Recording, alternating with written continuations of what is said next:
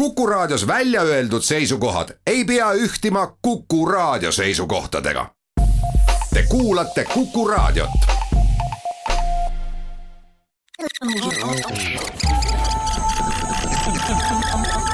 digitund,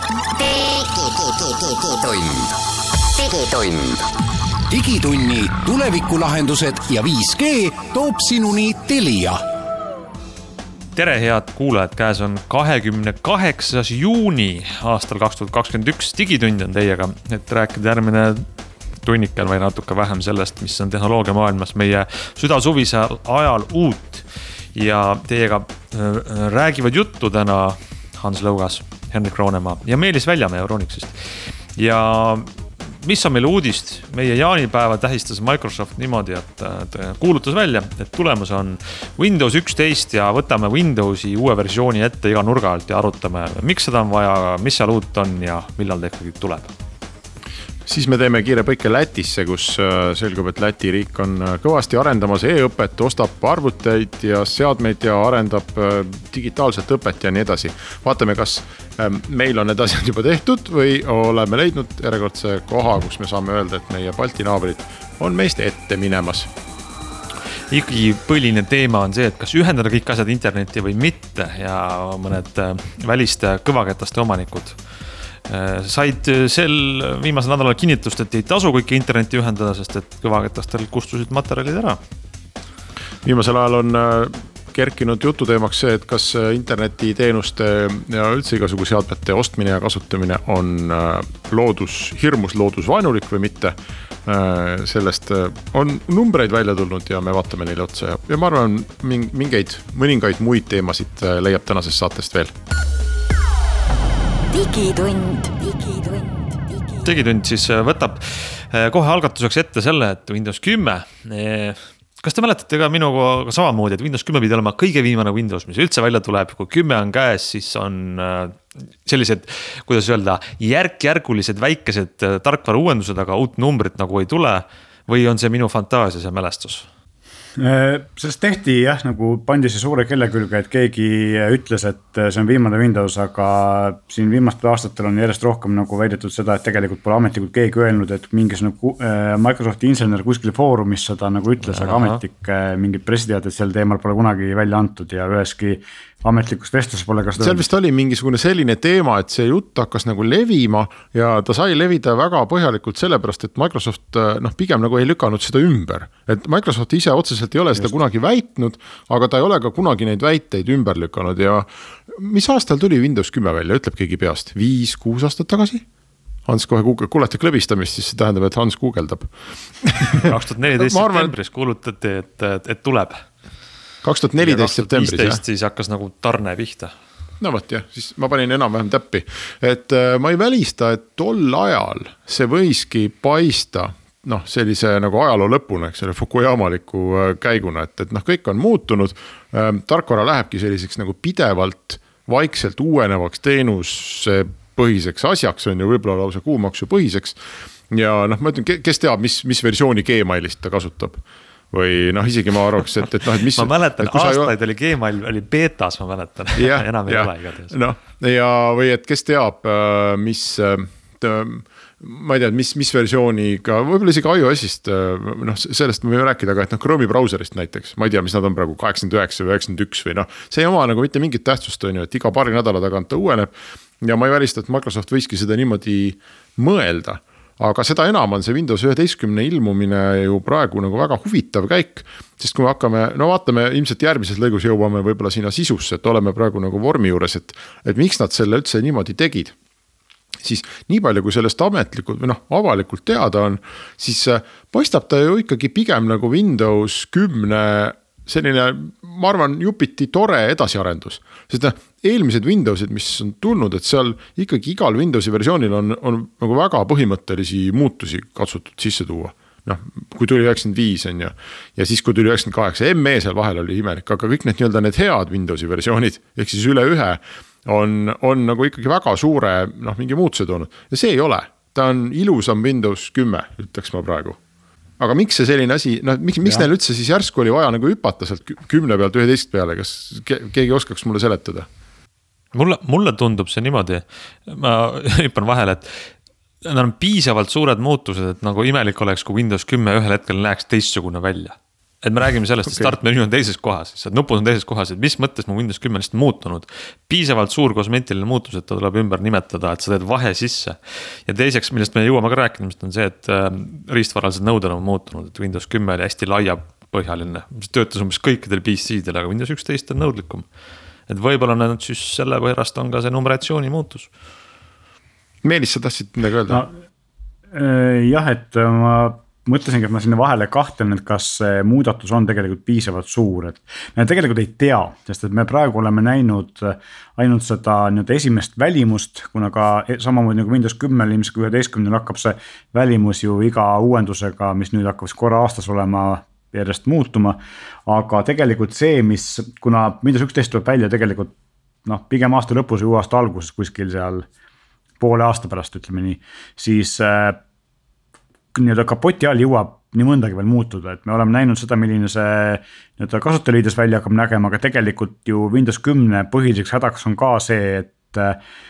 Et siis hästi palju on veel nagu vanu, vanadest Windows itest jäänud selliseid igandlikke asju kuskil nurga taha peitu, eks mida võiks nagu ühtlustada ja muuta.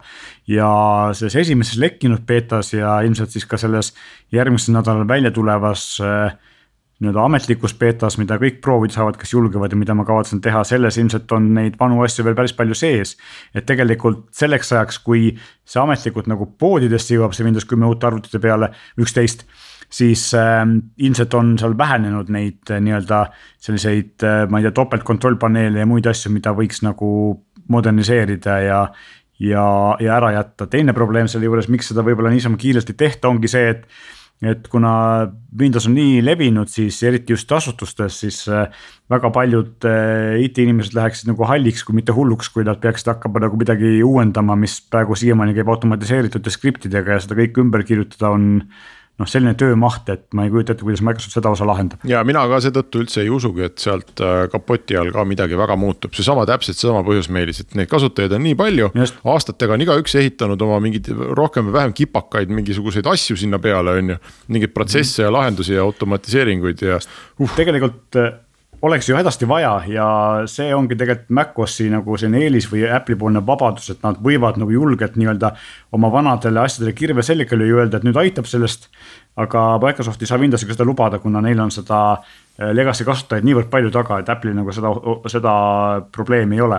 jah, ütleme, et McDonaldsil burgerite müüki lõpetada üleöö on nagu suhteliselt keeruline samm, on ju Nad saavad isegi se selle eest peksa, et nad hakkavad, hakkasid seda eh, võltsliha müüma, eks ole, nii et. aga mulle tundub veel väga märkimisväärne, parandage mind, kui ma eksin, kas see ei ole mitte esimene selline suu nii-öelda numbri update Windowsile, mis tuleb tasuta. sest Windows üksteist, Windows kümne omanikele tuleb tasuta no Windows kümmet oli ikka ka võimalik, äh, oli, oli selline nii-öelda see periood, kus sa said selle Windows kümne ka ilma maksmata kui sul oli vana Windowsi litsents olemas. ja, ja nüüd Windows üksteist on tegelikult. seitsme ja kaheksa pealt siis. just, et Windows üheteistkümnega on, on samamoodi, et, et see on tasuta, aga kõik arvutid ei pruugi seda toetada. et Windows kümme oli palju ja, laiemale baasile, on ju, aga Windows üheteistkümnel on vaja uuemat arvutit.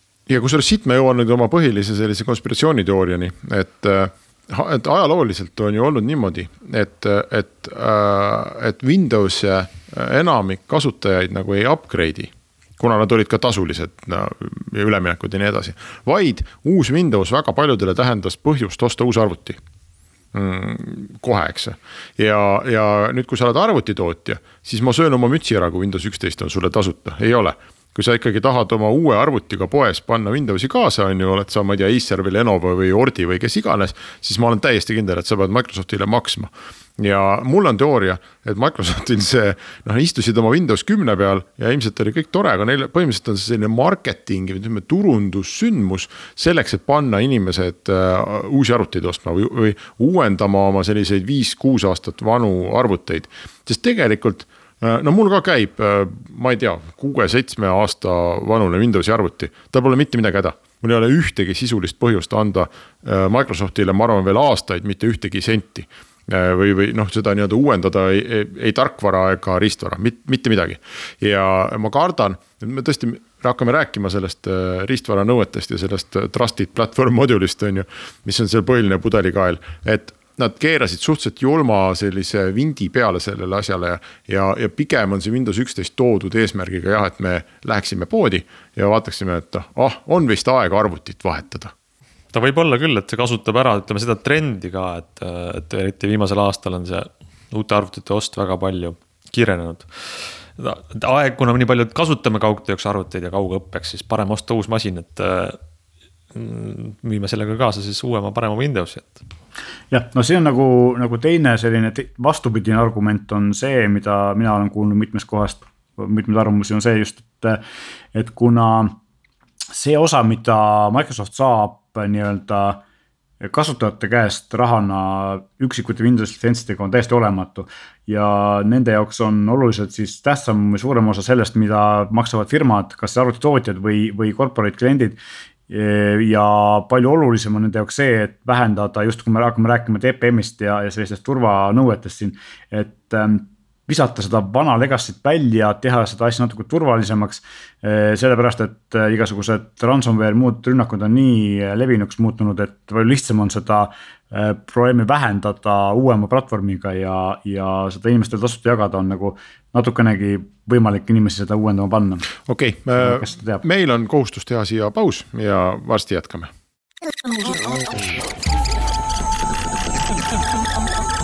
digitund, digitund. digitunni tulevikulahendused ja 5G toob sinuni Telia. digitund läheb edasi ja räägime korraks äh, Windows üheteistkümne puhul ka sellest praktilisest infost, mida teil siis vaja teada, nagu me, nagu te kuulsite juba saate alguses. ta tuleb välja tarbijatele aasta lõpus, ilmselt kuskil november-detsember, võib-olla järgmise aasta alguses. ja, ja on tasuta teine väga oluline infopunkt, kui teil on praegu Windows kümme, siis uuendus on tasuta. aga mis arvutit äh, on vaja selleks, et äh, uut Windowsit peale panna?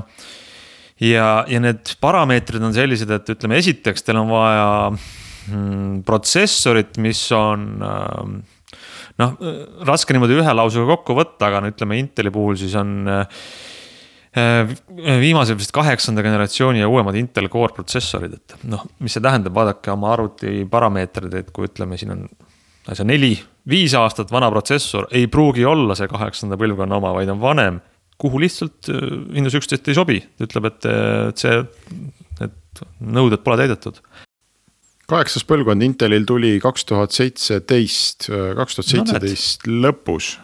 neli aastat kui siis. ma õigesti aru saan, jah, ja et. ja et see sama läpakas, mille pealt mina praegu saadet teen, on äh, samamoodi umbes sellest ajast ja see on. just vaatasin järgi, tegin selle testi, mis ütleb mulle, kas ma, mul sobib üheteistkümnega või mitte, sobib küll, et see on üks esimesi, mis selle kaheksanda põlvkonna protsessoriga tuli, nii et. jah, ja AMD-l siis on äh, Ryzen kaks tuhat just, äh, sest et Windows kümme oli see, et ta oli hästi universaalne, ta sobis ikkagi nagu. Äh, see nagu laias muudatuse mõttes väga tähtis, et, äh, et on võimalik väga suur osa vana versiooni peal opsüsteemi kasutajad uue tule üle tuua et see üldine installi baas oleks väga üleüldine. aga nüüd see tähendab ikkagi, see on siis mõned kolm-neli aastat vanad arvutid, millel on selle põlvkonna protsessor. et see hakkab killustuma jälle, et Windows üheteistkümne ja kümne turuosad, need, see vahetus saab olema päris, päris pikki aastaid, enne kui üheteistkümne mm, siis installi baas muutub selle kümnega võrreldavaks või suuremaks, minu prognoos. ja nii, et ma arvan, et lihtsustatult võib öelda, et kui su arvuti on, on enne kahe tuhande kaheksateistkümnendat aastat mm, ostetud. siis äh, vanem, ehk siis vanem kui kolm-neli aastat siis on suhteliselt tõenäoline, et see uus Windows üksteist sul käima ei lähe. ja, ja, ja mina olen ikkagi veendunud, et seal kapoti all Windows kümne ja üheteistkümne vahe on väga väike, et see, see on väga nagu kuidagi äh, hea märk või. kosmeetiline. kindel märk just ja ka, et see, ma arvan, et see, ma, ma isegi ei saa aru nagu sisuliselt, et palju selle TPM versioon kaks nulli, me läheme nüüd väga keeruliseks, eks ole, sellise tava raadioeetri saate puhul, aga et ma ei ole üldse tehniliselt veendunud, et kui, kui vajalik see käik üldse sellisel kujul nagu oli. aga see selleks, ühesõnaga Microsoft on teinud niimoodi, et kui su arvuti on vanem kui neli aastat, siis Windows üksteist seal ei käi praegustel andmetel, selle ümber ka tohutult segadust.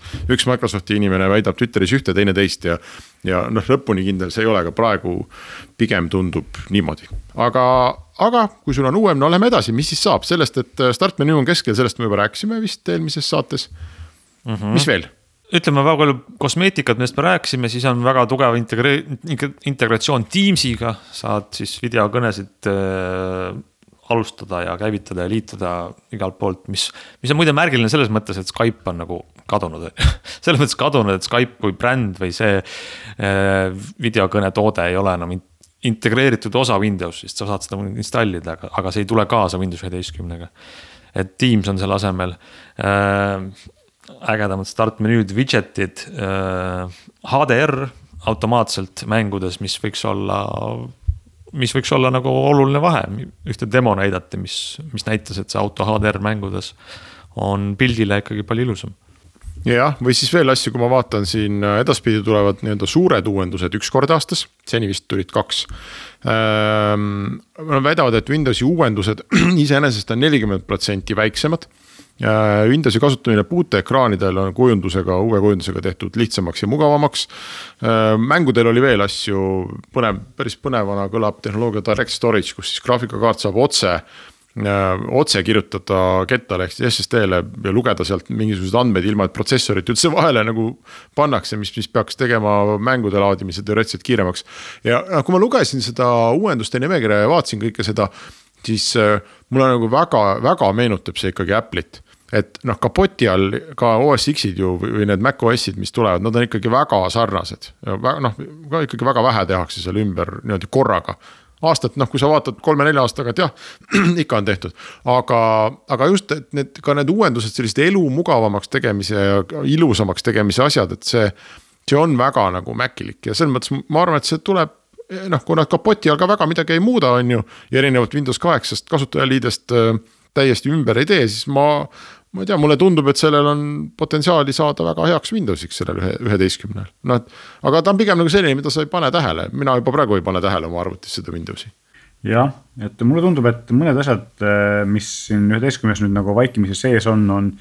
on neil olnud niimoodi katsefaasis juba pikemat aega, näiteks seesama küll mitte Windowsi nupuekraani keskele viimine, aga siis selle nende eh, programmide ikoonide seal taskbar'i peal keskele viimine ja samuti siis äh, Snapgrid või kuidas nad seda nimetasid ähm, ja see on muide huvitav, huvitav uuendus, sest et. Äh, mis on, mõlemad asjad on Microsofti PowerToys äh, programmiga igal hetkel ka Windows kümne peal kasutatavad. Snapgridi mõte, et äh, sul on suur monitor või mitu monitori, mis on väga levinud või siis X, X sellise kujuga monitorid, et. tarkvara jätab meelde, kus sa viimati aknad olid, mis olid lahti avaneb samast kohast. mis väga toetab seda, et tänapäeval meil on üha rohkem ekraanipinde ja et, et seda Snapgrid'i sai kasutada või sa, väga sarnast asja sai kasutada kümne pealises PowerToys'iga samamoodi, mul on see hetkel aktiivne ja. ja mulle tundubki, et see ongi see, et nad kõigepealt nagu lasevad power user itele, kes, kellele sellised asjad meeldivad nagu. ära testida, kas see töötab korralikult ja siis lõpuks panevad selle omale kuskile uuete Windowsi sisse, eks ole ja muide, meil on äh, see lõik hakkab nüüd ka kohe läbi saama meil see, see, see pool saatest, aga no saab näha, see, see kõik paistab väga sedamoodi, et äh, palju, et Windows nagu üheteistkümne ja kaheteistkümne vahe saab olema palju väiksem, kui oli kümne ja üheteistkümne vahe. Ma ei välista, et nad kord aastas hakkavadki tooma umbes järgmise versiooninumbriga Windowsi, no kes neid teab. aga, aga nüüd alus selleks tundub olevat loodud, aga, aga me ei saa sellest rohkem edasi rääkida, sest me läheme minema pausile ja oleme kohe tagasi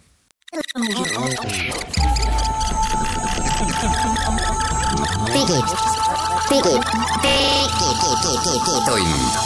digitund. digitunni tulevikulahendused ja 5G toob sinuni Telia. Digitund läheb nüüd edasi ja äh, räägime edasi hoopis ühest ambitsioonikast plaanist, mida üks väike riik Balti mere ääres tahab teha, et oma e-riiki tugevdada ja uuele põlvkonnale anda veel paremaid äh, siis äh, veel paremat tuge, et e-ühiskonnas hakkama saada, aga see riik ei ole mitte Eesti. me oleme harjunud, et Eesti on ikkagi sellest e-asjandusest kõigist parem ja kõigist ees, aga tegelikult Lätis on sündimas üks selline ambitsioonikas plaan äh, nimelt mm, lühidalt kokkuvõttes on äh, Läti alustanud sellist haridusprojekti, millega antakse, tagatakse, et kõigil õpilastel ja õpetajatel on olemas äh, arvutid, et vajadusel teha kaugõpet ja lisaks arvutitele arendatakse ka sellist siis vabalevis ringlevaid õppematerjale, mida isegi jagatakse mitte üle interneti, vaid lausa äh, vabalevis üle televisiooni. Ehk päris äh, selline ambitsioonikas plaan ja lähenemine sellele, kui mõelda, et eelmine aasta, kui pandeemia tuli ja kõik, kogu plaanid läksid tuksi ja hakati väga selliselt põlve otsas igal pool nokitsema kaugõppe äh, tehnoloogia lahendustega. siis Läti on kuidagi võtnud selle nagu õppetunni ja selle pealt ühe mastaapse plaani tööle pannud, mulle tundub see kihvt seal on ikka, eks ole, plaani osa on see, et tuhandete ja tuhandete kaupa ostetakse vist nii õpetajatele kui õpilastele arvuteid ja et see meenutas äh, mulle väga palju Eesti tiigrihüppe algust, mis oli noh, ütleme üheksakümnendate keskel on ju, kui üheksakümmend kuus ta läks käima, et siis või, isegi tegelikult üheksakümmend viis nii-öelda see idee käidi välja, et siis see kõige esmane tiigrihüppe idee, mida Toomas Hendrik Ilves äh, Äh, ühes intervjuus, ta oli siis USA, suursaadik USA-s. tema siis selles inter-, ühes intervjuus tutvustas seda, siis see kõige esmane plaan oligi osta igale Eesti kooliõpilasele arvuti. See, see oli see nagu kõige lihtsam äh, esimene tiigrihüppe nagu mõte. ja, ja noh, seal oli omaette veel arvutused, et kui palju see maksma läheb ja palju see tagasi toob. aga see siis, kui seda päriselt tegema hakati siis selleks ametlikuks esimeseks eesmärgiks sai internetiühendus igasse Eestisse kooli, iga, igasse Eesti kooli. mis oli noh, mõnes mõttes nagu siis teise taseme eesmärk, et noh, selleks, et igas koolis Eestimaal saaks olla internetiühendus, peab seal olema ka arvuteid. ja noh, siis sai nagu kaks ühe hoobiga ja, ja, ja tegelikult siis nagu kolmandaks kahe tuhandendate esimeses pooles muutus tiigrihüppe eesmärk kardinaalselt ja, ja kogu see rõhk läks, läks palju enam sisu peale ütleme sisu ehk siis õppe ja igasugused tarkvarad, koolitused ja see, et, et arvuti muutuks nagu koolitunnis noh, igapäevaseks asjaks, et see ei ole on ju mingi äh, suur sündmus, et täna võttis õpetaja lapsed, läks arvutiklassi. vaid et arvuti oleks kogu aeg olemas ja õppetöö nagu normaalne osa. Ja, ja selleks oli, ma arvan, mis oli Eesti nagu, Eesti nagu tiigrihüppe kõige suurem noh, saavutus. oli tegelikult see, et äh, peaaegu kõik Eesti õpetajad läbisid arvutikoolituse ja seal oli veel Vaata maailma, ma ei mäleta, kas vist tegelesid ka sellega, aga igatahes tiigrihüppe raames ja oli, oli see aastaid kestis ja tänu sellele muutus noh, ütleme, me kasvatasime üles terve, terved põlvkonnad uusi õpilasi olukorras, kus õpetajad olid arvutiga sõbrad ja oli tekkinud selline progressiivselt mõtlevate pedagoogide võrgustik. ehk kui ma seda Läti asja nagu vaatan, siis ma mäletan tollal ka neid arutelusid, et Eestis on olnud arutelu, et ostame kõigile arvutid. ja siis oli ka arutelu, et ostame kõigile tahvelarvutid.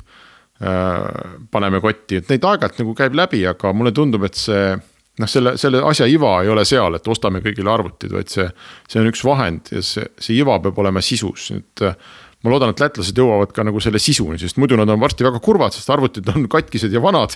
ja siis tuleb osta uued arvutid.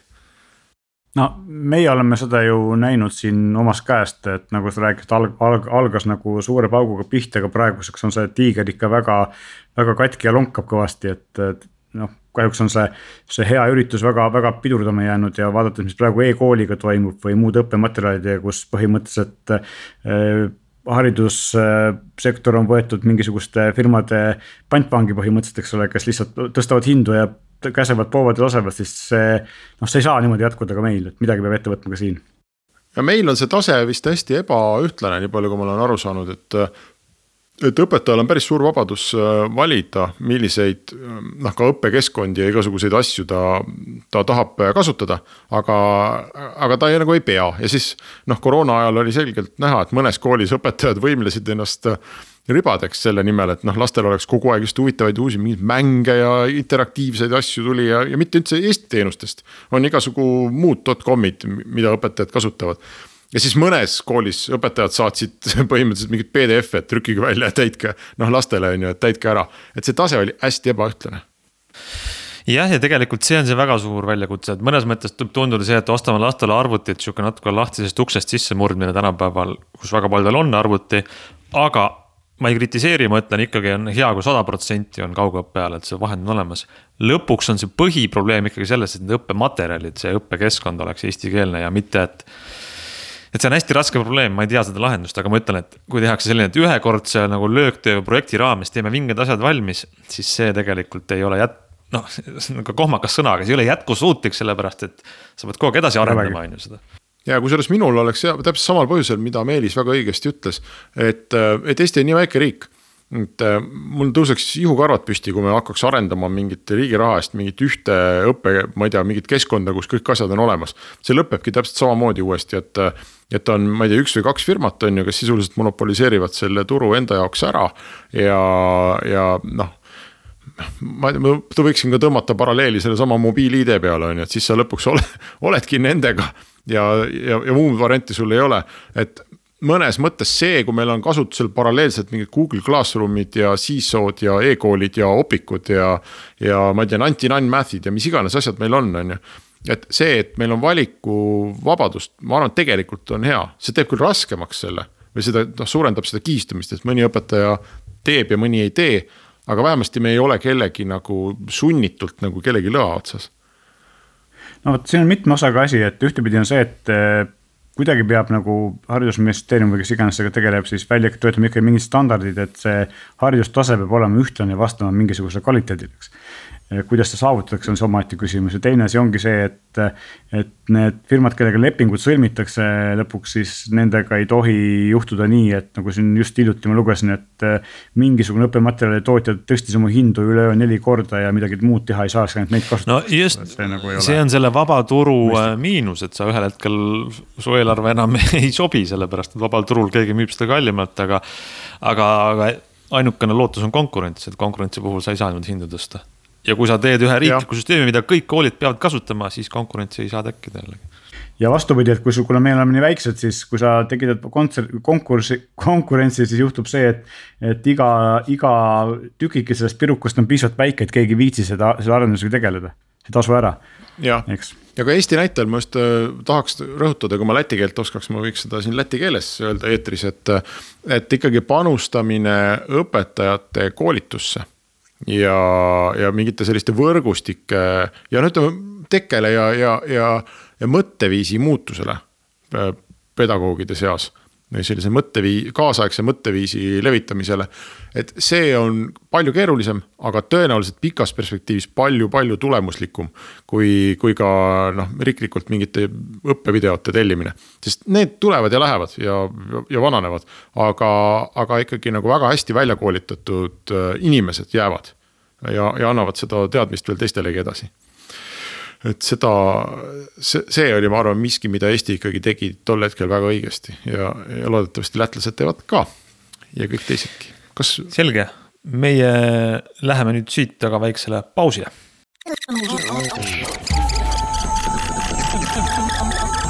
digitund, digitund digitunni tulevikulahendused ja 5G toob sinuni Telia digitund läheb edasi ja, ja räägime nüüd ühest intsidendist, mis on õpetlik, aga paljudele ka ülimalt kurb kindlasti, see on, räägib väli, välistest kõvaketastest, kui huvitav teema see saab olla. aga, aga see on aga, juba huvitav teema, aga saab tõesti. tegu on siis Western Digitali ehk VD tootega MyBook Live, ma isegi tean inimesi, kes on oma elu sinna seadmesse pannud perepildid ja asjad ja. ja see on sihuke efektiivne väline kõvaketas, millelt ei tule lihtsalt USB juhe arvuti külge, vaid ka võrgujuhe saab panna ruuteri taha näiteks. ja tänu sellele on ta internetti ühendatud nagu selline kõvaketas, kust saad siis äh, ligi näiteks kodust igast võrgust äh, igast arvutist koduvõrgust selle, selle kettal olevate failideni ja juhtus selle seadmega selline asi, et järjest üle maailma inimesed hakkasid teatama, et nende VD MyBook Live ketastelt on kõik andmed kadunud ja ka ja kadunud on äh, nii mõnel juhtumil lihtsalt kogu ketast tühjaks tehtuna, mõnel puhul on alles nagu kataloogi puu, ehk siis kui struktuur lihtsalt on kadunud seal kataloogi seest kõik failid. ja intsident on piisavalt tõsine, et siis Western Digital teatas, et kellel iganes see veel ketas on kodus, see on muide veel tootmisest maas, et seda enam nagu aktiivselt ei müüda, aga ikkagi väga laialt kasutusel. siis tõmmake ta internetist välja, ärge hoidke teda võrgus et tegu võib olla mingisuguse kas viiruse, pahavara või rünnakuga. ja oligi, nagu nii, nii palju, kui ma olen aru saanud mm, -hmm. siis äh, sealt leiti turvaauk ja, aga mitte eile ei leitud, vaid leiti kolm aastat tagasi. ja, ja need, kes leidsid, andsid sellele firmale, mis on maailma üks suuremaid kõvakettatootjaid, see ei ole, eks ole, mingi tundmatu Hiina äh, noh, putka on ju, mis täna on, homme ei ole, see on maailma üks suuremaid selle ala firmasid ja sellele anti teada, et kuulge, et teil on kriitiline turvaauk, mis on nagu kümme aastat teie erinevates toodetes olnud, et äh, näete. Ja siis selle peale see firma teatas, et jah, aga meie nüüd, et need on nii vanad mudelid, et, et meie nüüd juba alates aastast kaks tuhat viisteist sinna uut tarkvara ei tee, et need ei ole toetatud. Ja seetõttu me neid ka korda ei tee. noh, aga selgub, et kõva, et internetti ühendatud kõvaketas on äh,, ei ole aastate jooksul, eks ole, nii palju arenenud, me jõuame tagasi sinna Windowsi jutu juurde. et sul üleüldse oleks olnud põhjust seda väga välja vahetada see on mingi kast, kus on andmed sees ja mis tiksub nurgas kuskil garderoobis või garaažis internetiühenduse küljes. ja loomulikult ka noh, tuhanded ja tuhanded inimesed, ma ei tea, võib-olla kümned või sajad tuhanded ei vahetanudki seda välja. ja niimoodi ta siis tiksus kuni kolm aastat hiljem. mingisugune nupumees nüüd siis leidis, et ah, okei okay,, kasutaks siis nüüd seda turvanõrkust ära. ja selleks ei ole vaja mitte midagi muud, kui teada lihtsalt selle boksi IP aadressi või noh, võib ka juhuslikult proovida et äh, lihtsalt läbi interneti põhimõtteliselt jätta inimesed oma failidest ilma. ja see on täiesti usku-, noh, ühest küljest väga õpetlik on ju, et kui sul on öö, äh, kast kuskil, mis iganes kast, mis äh, on internetis ja mille tarkvara ei ole viimased, ütleme, paar aastat uuendatud. siis ole hea, võta see kast internetist ära ja ära selle kastiga enam mitte mingit tegemist tee yeah sa, selles mõttes sa võtsid väga hästi selle moraali kokku, et ma juba lugesin väga tõsiseid kommentaare, mis on sellised tõsiusklikud ütlevad, et ei tohi internetti ühendada mingeid asju, siukseid nagu kettaid ja üldse pole vaja ja see on väga ohtlik ja kogu see asjade internet on väga jama, et ärge, tõsised kommentaarid. jällegi teistpidi jällegi, kui me nii võtaksime hästi puritaanlikult, siis me ei teeks oma elu üli ebamugavaks, eks. eks see on nagu hea kompromiss, et kui sul on internetti ühendatud midagi mida tootja enam ei toeta, turvapaiku ei, ei väljasta ja ei uuenda tarkvara, siis ta on nagu toksiline. ja, ja tegelikult ikkagi nii suure firma poolt, see on ka ikka uskumatu ülbus. et, et noh, me ei toeta enam tarkvara, ongi kõik head aega, et noh, vaata sa, kusjuures, kui need asjad on internetis, nad teavad ju väga täpselt. ma, no ma usun küll vähemasti, ei ole võimalik, et nad ei tea, mitu tükki neid parasjagu noh, veel nii-öelda elus internetis on. Nad peavad seda numbrit teadma ja, ja nad ja nad ei noh, see, ma ei tea, see on kriminaalne, ma ütleks. On ja tegelikult sellepärast ju päris mitmed äh, riigid üritavadki ikkagi luua seadusandlust, mis kohustaks selliste firmade toodetel äh, näiteks vaikimisi tark-, parooli muutmise või, või vaikimise parooli kasutamise võimatuks tegemist ja, ja kohustuslikke vaikimisi turvauuendusi vähemalt mingisuguse perioodi juures, mis oleks pikem kui garantiiaeg kui kaks aastat, eks ole, nii et. et tegelikult see on nagu mõistlik, aga samas ma saan ka aru, et ilmselgelt see tõstab ka nende toodete hinda päris kõvasti. no ja, jah, ja siia juurde võiks nagu käia tegelikult palju, nagu me näeme, võib-olla mingite mänguasjade või sihukeste füüsiliste toodete puhul on tagasikutsumine, kui avastatakse, et mingi mänguasi on näiteks ohtlik või mingi muu toode on ju. siis tegelikult ka sellisel puhul, kui sul on nagu väga laialt levinud toode, mida tootja ei jõua enam toetada sellegipoolest peaks ta sellise vea, nagu antud juhul oli näha, et see on nagu siis ründaja võis käit-, käivitada koodi selles eh, kettakastis eh, üle interneti, mis on nagu väga tõsine viga. sellise vea teadmise puhul võiks nagu algatada kas tagasikutsumise või siis vähemalt öelda ennetavalt, et kuulge, see on väga ohtlik no sellisel juhul peakski olema võimalik samamoodi nagu telefonidega, et kui leitakse ülikriitiline viga, siis nii Apple kui Google võimald-, soovi-, saavad tegelikult selle jõuga peale lasta sinna turvauuenduseks et äh, see jah, Microsoft saab Windowsiga samamoodi teha. et ma usun, et see peaks olema kohustuslik nagu kõigile sellistele seadmete tootjatele. ja, meil on veel mõned minutid aega, Hans, räägi siis äh, meile, sa oled kokku arvutanud, palju internet elektrit võtab? internet ei võta üldse eriti palju elektrit, see on üks äh, selline ähm, kokkuvõte. õigemini tegelikult õppetund on selles, et ähm, kas on roheline või mitte roheline kasutada internetti ja paljud inimesed tõsiusklikult arvavad, et ja tahavad käituda keskkonnateadlikult, et mida vähem me kasutame sellist kõrglahutusega videot, vaatame ja kasutame e-teenuseid, seda parem see on planeedile. ja, ja see ei ole üldse irooniline ja ma arvan, et siiralt inimesed tahavad head. ja, ja levinud on selline liikumine, et noh, et ärme vaata UHD või 4K versioonis Netflixi või ärme tee videokõnesid. inimesed tõsiselt arvavad seda ja see on üsnagi laialt levinud. aga kaks teadlast võtsid veel kokku siis selle mis on reaalne keskkonnajälg sellisel interneti kasutusel ja, ja mis on eksiarvamused. ja eksiarvamus on see, et nad analüüsisid kahe suure telekomi liiklust, Telefonica ja Cogent, mis siis pandeemia ajal suurenes kuskil poole võrra, nelikümmend viis protsenti lausa andmete nagu liikluse maht, aga energiatarve ei suurenenud. ehk siis moraal on selles, et lihtsalt äh, andmekeskused juba töötavad, juba on väga efektiivsed ja, ja see, kui me andmekeskuse kaudu liigutame vähem äh, andmeid läbi, siis tegelikult see energiatarvet kuidagi ei mõjuta, et, et võib rahulikult magada öösel, kui sa oled videokoosolekut pidanud. aga kuidas see võimalik on ikkagi, ma ei saa päris täpselt aru et, et millele see energia siis täna kulub või noh, et see tühi energia no,, igaks juhuks ei käita nad seal ju mingeid kettaid või käitavad siis? no ilmselt on äh, ikkagi see, et see valmisolek äh, nii-öelda mahtude suurendades lisariistvara käima lükata juba olemas, et seda ei minda siis juurde ehitama või lisama, vaid tegelikult on need ehitatud piisavalt efektiivselt, et.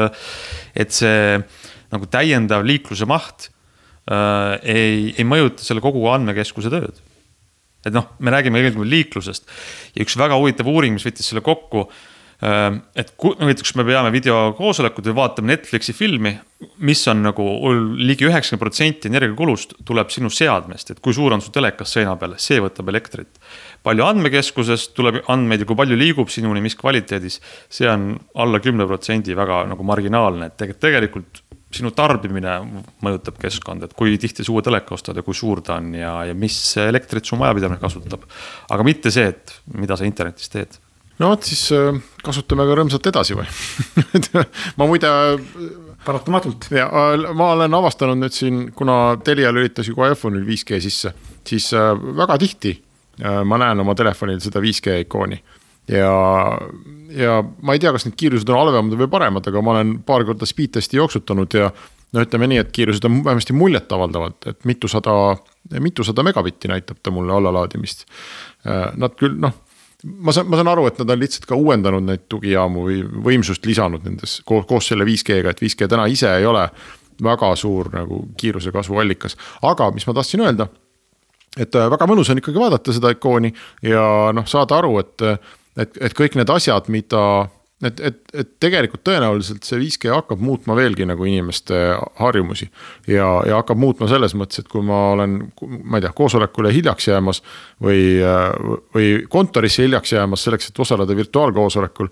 siis äh, ma tõmbangi selle telefoni või arvuti kuskilt seljakotist välja, kasvõi keset parki ja liitun koosolekuga et see, seesama Covidi aeg, ma arvan, hüppeliselt kasvatas ka inimeste noh, tulevast nõudlust igasuguste selliste tehnoloogiate järele ja, ja selliste võimaluste järele.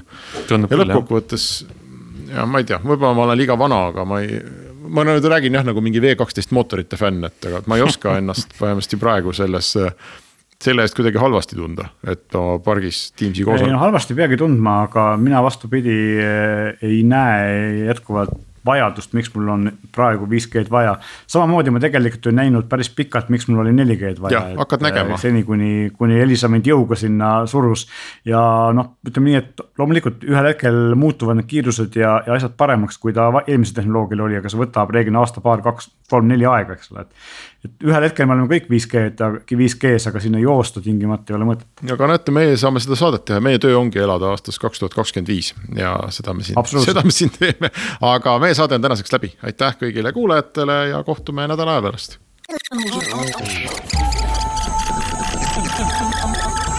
digid, digid, digitund, digitund digitunni tulevikulahendused ja 5G toob sinuni Telia